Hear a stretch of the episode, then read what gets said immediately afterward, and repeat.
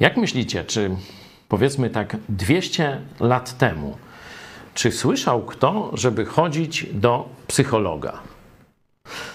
No nie bardzo, bo nie było takiego urzędu czy, czy takiego e, pomocnika w życiu. No a drugie pytanie, a ludzie jakoś żyli czy nie? Można być trzecie, ale to już niebezpieczne, bo to, że żyli, to czy jakoś sobie radzili.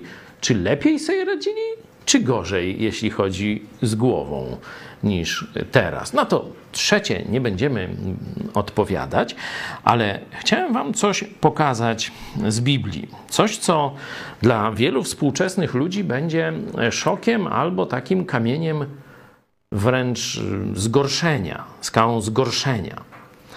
Kiedy przeczytam, co Biblia mówi o poradnictwie psychologicznym.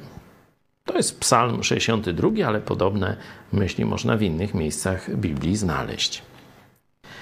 Jedynie w Bogu jest uciszenie duszy mojej.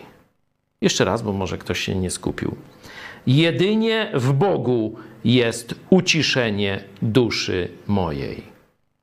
Rozumiem, że właśnie tym próbują się zajmować psychologowie, żeby uciszyć, uspokoić, polepszyć stan duszy człowieka.